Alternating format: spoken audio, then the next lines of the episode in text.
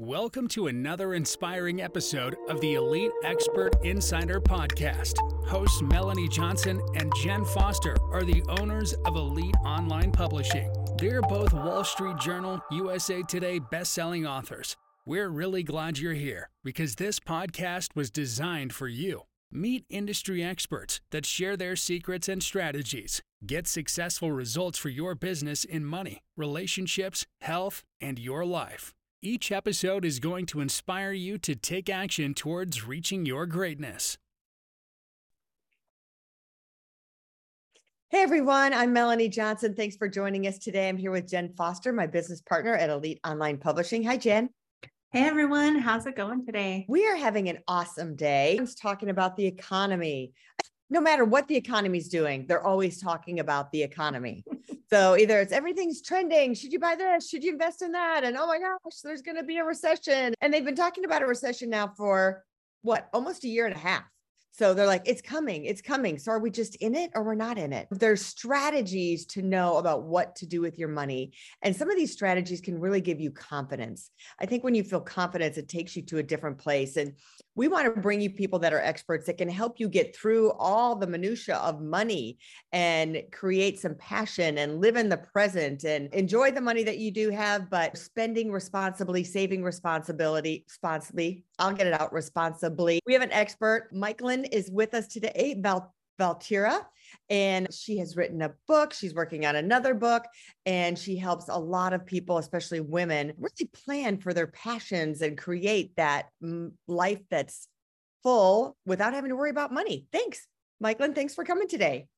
Hey, thank you. Hello from Seattle. I'm so happy to be here. Tell us a little bit how you got started and becoming a money coach yeah, the biggest question I get is what the heck is a money coach? So I guess that's the perfect place to start. It used to be that when people were frustrated with money, they had the option of either working with a credit counselor dealing with debt issues or working with you know, a financial planner on investments, retirement. And I love both those fields and industries. The dilemma, though, is that I find that most Americans have both, right? They really are struggling with credit and debt they, of course, want to build their net worth, of course. And neither of those two fields is well equipped to deal with the emotional side of money. Mm-hmm. Why do we do what we do when it comes to money? So, money coaching, oh my gosh, this field's only about 25 years old, which it's still a baby field. And money coaches work with people on the practical and the emotional side of money. So, it, I can't tell you how much I love my work, right? It's helping people really look at how do you use money to create the life that you really want? And practically we've got to learn how to manage our cash flow right? We've got to learn how to figure out what do we truly want to do with our money? How do we make it go where we want it to go? And it's so emotional right? And if anyone says that they have no emotions around money they're a robot I don't believe them. It's just it's and like you were like like Melanie was saying with all the stuff that's constantly up in the news around the economy. Oh, my goodness, it's like twanging on our rib half the time of pain. Oh my gosh, fear. So you know, really being able to address those fears and how we feel about money is a really big deal. Let's walk into you mentioned about our wants. So we have needs, right? Our needs are we have to pay our utility bills, we have to pay our mortgage, our car mm-hmm. payment, all of those things. Those are like a need we have to eat. Right. But then we have our wants and then creating that plan so we can have our wants and our needs. Is that possible to do both? And how we plan for that? yeah. No, you just cut right to the core of one of the biggest issues in money, which is getting clear on our needs, our wants, and our desires. Mm-hmm. I think that a lot of people just assume no one truthfully is even talking about this like we are, which is why this is exciting. But we so often assume that we only can get our needs met so why look at money? Why even talk about this? This is just depressing. I can't cover anything but my needs. But the reality is, when we really sit there and go, okay, let's list out all the things that we need and want and desire, and then really go into this discernment process around how do we build a life that really addresses all of these. And I'll tell you, one of the big keys is looking at what is underneath your wants and is there a more creative way to meet it? So I'll just give you like a quick example. I had a client who really wanted to go to Hawaii. Re- and we're in Seattle. So yes, it's makes sense that we would hop on a plane and go to Hawaii. But it was still a two, three, four thousand dollar trip by the time she looked at it. And she had a lot of other things going on that were also really pressing for her resources and her money. And so when I said, What's the need underneath this desire?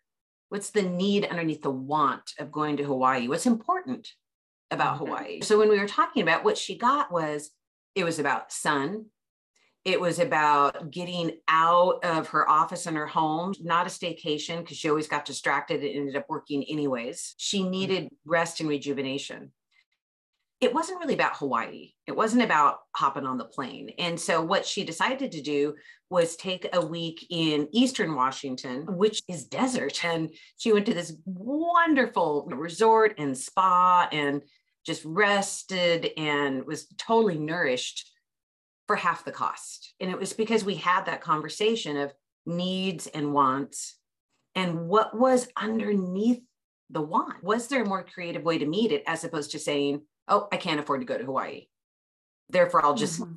keep working. But just allowing ourselves to ask the question, what's important about what we want? There are times we need to find a more creative way to meet it, but it doesn't mean it's not possible if you're willing to really dive in and look at what's underneath the desire. Yeah, I really like that you you dove into the why and then found out that it really was a need. So it really wasn't a want that she wanted to go to Hawaii, it was a need. Right. No, you're totally right. She wanted to go to Hawaii. She needed a vacation, rest and no work and sun. Exactly. And it was just so great to dive in. And I, and you see this over and over. People say they want this and I can't afford it. And oh no, everything's mm-hmm. sad. But there's usually at the core of all of our desires and all of our wants something that's really important that there is often a real important need underneath. I work with a lot of just wonderful women and it comes up all the time in a lot of areas, but clothing, right? I want to go spend a couple grand at the Nordstrom's half yearly sale or whatever it might be, right? But the need might still be really important, even if I can't afford completely gutting my wardrobe. I need to feel attractive, or I may have a need I'm tapping into about relationship, or I may need to feel again nourished just because I can't afford completely redoing my wardrobe doesn't take some of these core needs of I need beauty. There's a lot of important things here. Yeah, I like that. So, what is a personalized spending plan and why is it the ultimate tool for creating the life you love? The ultimate tool. So I hate the word budget. It's mm. so diety sounding, mm. not to everyone, but a lot of people say, oh, what's left over for me? I'm going to live on leftovers. Right. spending plan, and it just doesn't sound good. It's like a money diet. But a spending plan is a tool that you design to say, okay, where do I want my money to go? What is the life that I most want to live? And then how do I use money to literally create this life. It, a spending plan, in many ways, is almost like an architectural wireframe. It's a framework that you build for the life that you really want. Even if you're afraid you can't do it, let's build out the framework mm-hmm. and then start asking the questions where do you want your money to go? And then, you know, we are going to look at where the money is going because we know, and I know everybody knows this, that it's hard to get to point B if you don't know where point A is. So, you know, we are starting to bring into alignment our spending with where we want our spending to go, but it really does need to be from the point of view of it's your money. Let's look at creating the life that you want while still honoring the things that you need to do it might be retirement savings or or debt payments so for me like my personal spending plan that's how i've created the life that that I lead, right? I don't know if I could dance as much tango if I didn't have a plan that helped me protect that cost. Otherwise, I'd probably just blow my money randomly on all sorts of stuff and it would leak out the door. I wouldn't really have enough for all the money that I actually want to spend in this other area. I love that. It's like purposely spending your money where you want to. I remember someone told me, like, do you really want the Starbucks? Or would you rather put that Starbucks money in a jar because you want a new sofa for your family room? What's more important to you, having that priority of what really is your want, desire, and is going to create passion and make you feel good at the end of the day and spend it on that. So you brought up debt, that nasty word, which has gone up exponentially since COVID has subsided. Everyone's creating more and more debt. So tell us about how to get out of debt how to stay out of debt, and is all debt bad debt? I'll hit the last one first. Not all debt is bad debt, right? Some debt is backed by something that we love, such as our house or perhaps our car. Not all debt is created equal, but that I think is the most stressful to people is consumer debt, which would generally be credit cards. And a lot of people have a lot of feelings about student loan debt as well. But it's the consumer debt and the credit card debt that you're talking about that's really gone woo big now that people could actually leave their house and go on vacation and all these things. So the number one thing that helps with debt, and this is going to sound counter in totally counterintuitive, Melanie, but I'm going to say it, is to actually start saving. And what I mean is I'm not talking about retirement. I'm not talking about your safety net. What the big problem with debt is big things happen like vacations or car repair but we don't have any savings set aside for what are called periodic expenses. It's life is lifing along. Life life's along, things happen, but we live as if our car will never blow up and we'll never want to go to Hawaii. Right. So, one of the biggest things I have people do is create a dedicated savings account, not their retirement, not their safety net. I know I'm repeating it, but it's really important. A dedicated, really boring savings account, like good old fashioned passbook savings account and then transfer into that account every month from their, let's just say from their checking account, a certain amount of money. Let's just pretend it's $500. If you transfer money into this account for these upcoming expenses, it is what allows people to stop adding to their mm-hmm. credit card debt. It's a game changer around having people stop adding to their credit card debt because one of the big mistakes that people make is they jump the gun and say, How do I get out of debt? Problem is, they're still going into debt. They don't have a mechanism in place to prevent the credit card from continuing to go up. So, the very first step is to actually start saving money so that the next time you have a big expense like car repair or Christmas or vacation, you actually can pull that money from that dedicated savings account so that you don't end up further going into credit card debt. So part of it is the mechanism of when you know when you're in a hole, stop digging. How, how do we set up systems from a cash flow point of view so that you don't add debt? And then once people are stabilized, then we look at a lot of things that I know everyone has heard about, which is let's look at the interest rates on the cards, let's look at potential consolidation. One of the big things that I see is people have too many credit cards. And so they're in a lot of money fog. So mm-hmm. you know the more cards you have the harder it is to get clear about where your money is going and the more likely you are to go into debt. Mm-hmm. That there's a lot of things you can do around debt but honestly the number one thing to get out of debt and to avoid it is back to that nourishing spending plan. Mm-hmm. Your spending is the number one thing that keeps people out of debt i like that and what would you consider money fog like you said it maybe having too many credit cards but what is your definition of money fog yeah. So money fog, when people are in a money fog, it simply means that they're not clear. And usually it means they're not clear about how much money they spend, or they're not clear about how much they have in debt, or they're not clear about how much they have in their investments and what their net worth is. So it's this vagueness around money. And probably the, the biggest piece of money fog, Jen, is that people don't know where their money's going part of the dilemma is it's a fog, right? So if you drive around in your car in a fog, eventually you're going to hit something, right? Mm-hmm. If, if it's wind. And the biggest thing that people hit when they're in a money fog is debt. They eventually run into credit card debt. Money coaches look work a lot and how do we get clear? Because the more money fog you're in, the more financial anxiety you're in. Right big correlation to stress and anxiety around money and not mm-hmm. I know there's so many tools out there for budgeting and figuring out where you spend your money, but I know like even for my kids who are in college, they don't want to do the budgeting. They don't want to look at where their money's going. But even in our business, we'll say, oh, each quarter, hey, where what are the subscription things that we're paying for and do we still need to pay for them? And I think personally, we forget to look at our subscriptions and have who knows how long ago I logged into Hulu, but I'm still paying for it every month. Like I'm almost mostly watching Netflix and HBO. So it's okay, which one do I really need it? Maybe I should be cutting that out.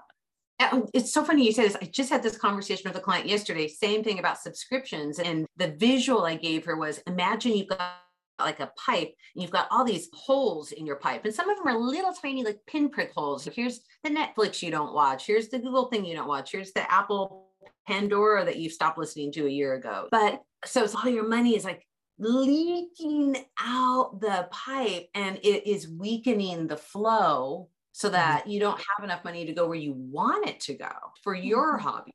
You love travel, you probably would rather have a nice, solid, steady flow of money to go to Europe next summer, not mm-hmm. have it mm-hmm. out to random stuff. And I think some of the focus comes of we struggle with it. We're not making enough money. Maybe we're under earning. And how do we make more? to be able to have that freedom. Like sometimes we need to focus on that, don't you think? As well as because you can only save so much, right? You can cut out only so many subscriptions. And then you wrote a blog post about um, making more money. Talk about that a little bit. It's huge. My first book was 100% on the topic of why women don't earn what they want to earn and how to make more, right? Under earning is simply defined as the pattern of earning below your potential. And the three of us know there's a lot of reasons why people don't earn what they want because things happen. Like nobody, the pandemic is not our fault. Or maybe you just get a bad boss that won't promote you. So there's lots of outside forces. But what I think is really interesting about the whole topic of earning your worth is there's a lot that we do control that we can do around earning what we're worth. And one of the big things that I always encourage people to do is let's do a little bit of research. Let's look at what people are earning similar to your wherever you are in your position. And then let's see, is it time to ask for a raise? Mm-hmm. I would say if it's been a year and a half ish and you haven't asked for a raise, it's time. And I know that brings up a lot of fear and a lot of concern for people. And it's a big gender difference in this too, right? We know that men ask for raises more often than women do. They ask for more money. They come into the market asking for more. So eh, there's a lot in this. There's a lot in this. And the other thing I would throw in, Melanie, is that for women, one of the big helps around earning what you're worth is really bringing your tribe in to support you, really talking with your women friends. And also, there's plenty of amazing men that are going to support amazing women also, and really breaking the silence around this and asking for support around. Let me think about asking for raise and how would the people that you trust advise you? Is it time to up level in another company? A lot of people around you may see it, how amazing you are, and they really want you to be more successful but so many of us don't talk about this i almost think it's like taking what you said in the beginning is reverse engineering it. How much money do you want to make to have those vacations to do the things that you love and live on passion? What's that number? So if that number is 200,000 300,000 100,000 whatever that number is then say how do i make that? Do i make that in my current job now? And if not do i need to supplement my income? Do i need to get a raise? What do i need to do? But if you don't know the number of all the things that you talked about then how do you know to hit it um, that goal. You, you, Melanie, that is a brilliant connection you just made. You're you're totally spot on because when I talk about building a nourishing spending plan, it's actually a nourishing spending and income plan. It's exactly mm-hmm. what you just said. That when you design the life that you love, the question is when what's it cost? And I know people are afraid to look at that. It can feel overwhelming, but looking at it, seeing it, and knowing that number, oh my gosh, is a huge game changer in starting to move you further, closing the gap to actually making it. People don't know what they need to make or what they want to make. And knowing it is so empowering. And then all the emotion comes into it. Totally. Because yeah. when we're growing up, they're like, what do you want to be when you grow up? They don't ever say, how much money do you want to make when you grow up? They say, What do you want to be? Oh, I want to be a ballet dancer. I want to be a firefighter or whatever it is, right? And no one ever says to you when you're 10 or however old you are, when you're trying to say what career you want, oh, ballet dancers, unless you make it big time, you're not going to make any money. You just will be doing it for fun. They're not going to tell you that. And then you're just like, oh, okay. But what well, if that emotion around that? I wish that they, that we were taught differently about yeah let's set that number and then let's reach that goal and not put the crazy emotions behind it instead of just saying make it a numbers analytical type thing which if you wrap your brain around that, if we if you set a number, you can reach it. Yeah, Jen, I love what you just said. And I've written a lot about this exact call it a real big disconnect that goes all the way into college where again, even in college, we're paying how many thousands in college, but even there the conversation is what do you want to do? And mm-hmm. we're not connecting it to and how much money will what you want to do generate and what is the mm-hmm. type of lifestyle that you see yourself having right because we're not saying don't talk about what makes you happy don't talk right. about what you want to do we're just saying and let's look at what you want to do will be giving you different amounts of money in different fields and so let's connect it all up yeah. not make money we don't we don't talk about and it's right. the lifestyle questions. You almost need to start there. Kind of the conversation we just had is okay, do you want, and I've done this with my kids. I've got one that's a freshman in college right now. And I'm like, okay, so let's look at where do you want to live? What kind of, do you want to live in an apartment? Do you want to live in a townhouse? Do you want to live in the country? Do you want to live in, what it, does that look like? Okay, and what part of town? So if you live in this part of town, it's going to cost about this much money. So let's start putting that in there. How much does that cost a month to do that? Oh, you want to have, and it's we created vision boards. Okay, you want to have this kind of truck. That's how much this is. So this is how much you have to. So let's start making the spreadsheet that goes with the dream sheet. And then he wants to be a physics uh, major that's a researcher. So how much do those average make a year? Okay, so guess what? That doesn't match your vision board. So you're going to need something else to supplement your income, whether it's an investor, real estate investor, something that gives you passive income. So it's creating that whole thing, like you say, the vision of what you want your life to look like, what you think your career is going to look like, of what you may love or be good at. How much does that career make? And does that fund that or not? Or do I need extra? Oh, your children are so fortunate to have you, Melanie. I wish I've done similar things with my son and I just, I so wish all parents would do that with their kids because that conversation was, it could be a game changer for your son as he thinks mm-hmm. through, oh, it could affect the jobs he ends up choosing to take. He could maybe change his major a little bit. He could mm-hmm. real estate, like you mentioned earlier, that it never occurred to him. It's just, yeah. it's, that is just beautiful. Yeah. Well, we could talk about this all day. yeah. Thanks for coming, Mikelann. We really appreciate you being here today. Tell us where people can find you. So, Seattle Money Coach. I work with a lot of amazing women, but I love working with women that are just rocking it in midlife. But money is the piece that's driving them crazy. So, I would encourage your listeners, if they're curious at all, is go to Seattle Money Coach. I've got clients all over the world and just grab a free discovery call. I'm happy to talk with people and figure out what's that one thing that's keeping you from feeling in control of your money? And then obviously, when people are on the website, there's lots of free goodies, including a 20 page ebook on how to stop stressing about money. So all of that's there. And then social media, everything is going to be Seattle Money Coach, or it's under my name, Mikelann, and you'll find it all there. Awesome. We'll put that up in the show notes and people can go and find you and register for your free ebook as well. Awesome. Thanks for coming today. We hope you enjoyed this and got a few great nuggets that will help change your life and motivate you to move towards that financial freedom. I'm Melanie Johnson, one of the owners of Elite Online Publishing, along with Jen Foster. And if you want to become a number one best-selling author, we only take certain people that qualify to work with us, but go to our website, hit that author submission button, and see if you're one of the ones that will make a bestseller this year. Talk to you next time. Bye-bye. Bye. Hey, are you looking to increase your revenue, build credibility, and elevate your brand? This podcast is brought to you by Elite Online Publishing, an innovative publishing and full spectrum marketing company. They will publish and market your book to make it a number one bestseller. Becoming an author is the best way to market your business. So contact them at eliteonlinepublishing.com today. All of their authors become number one bestsellers.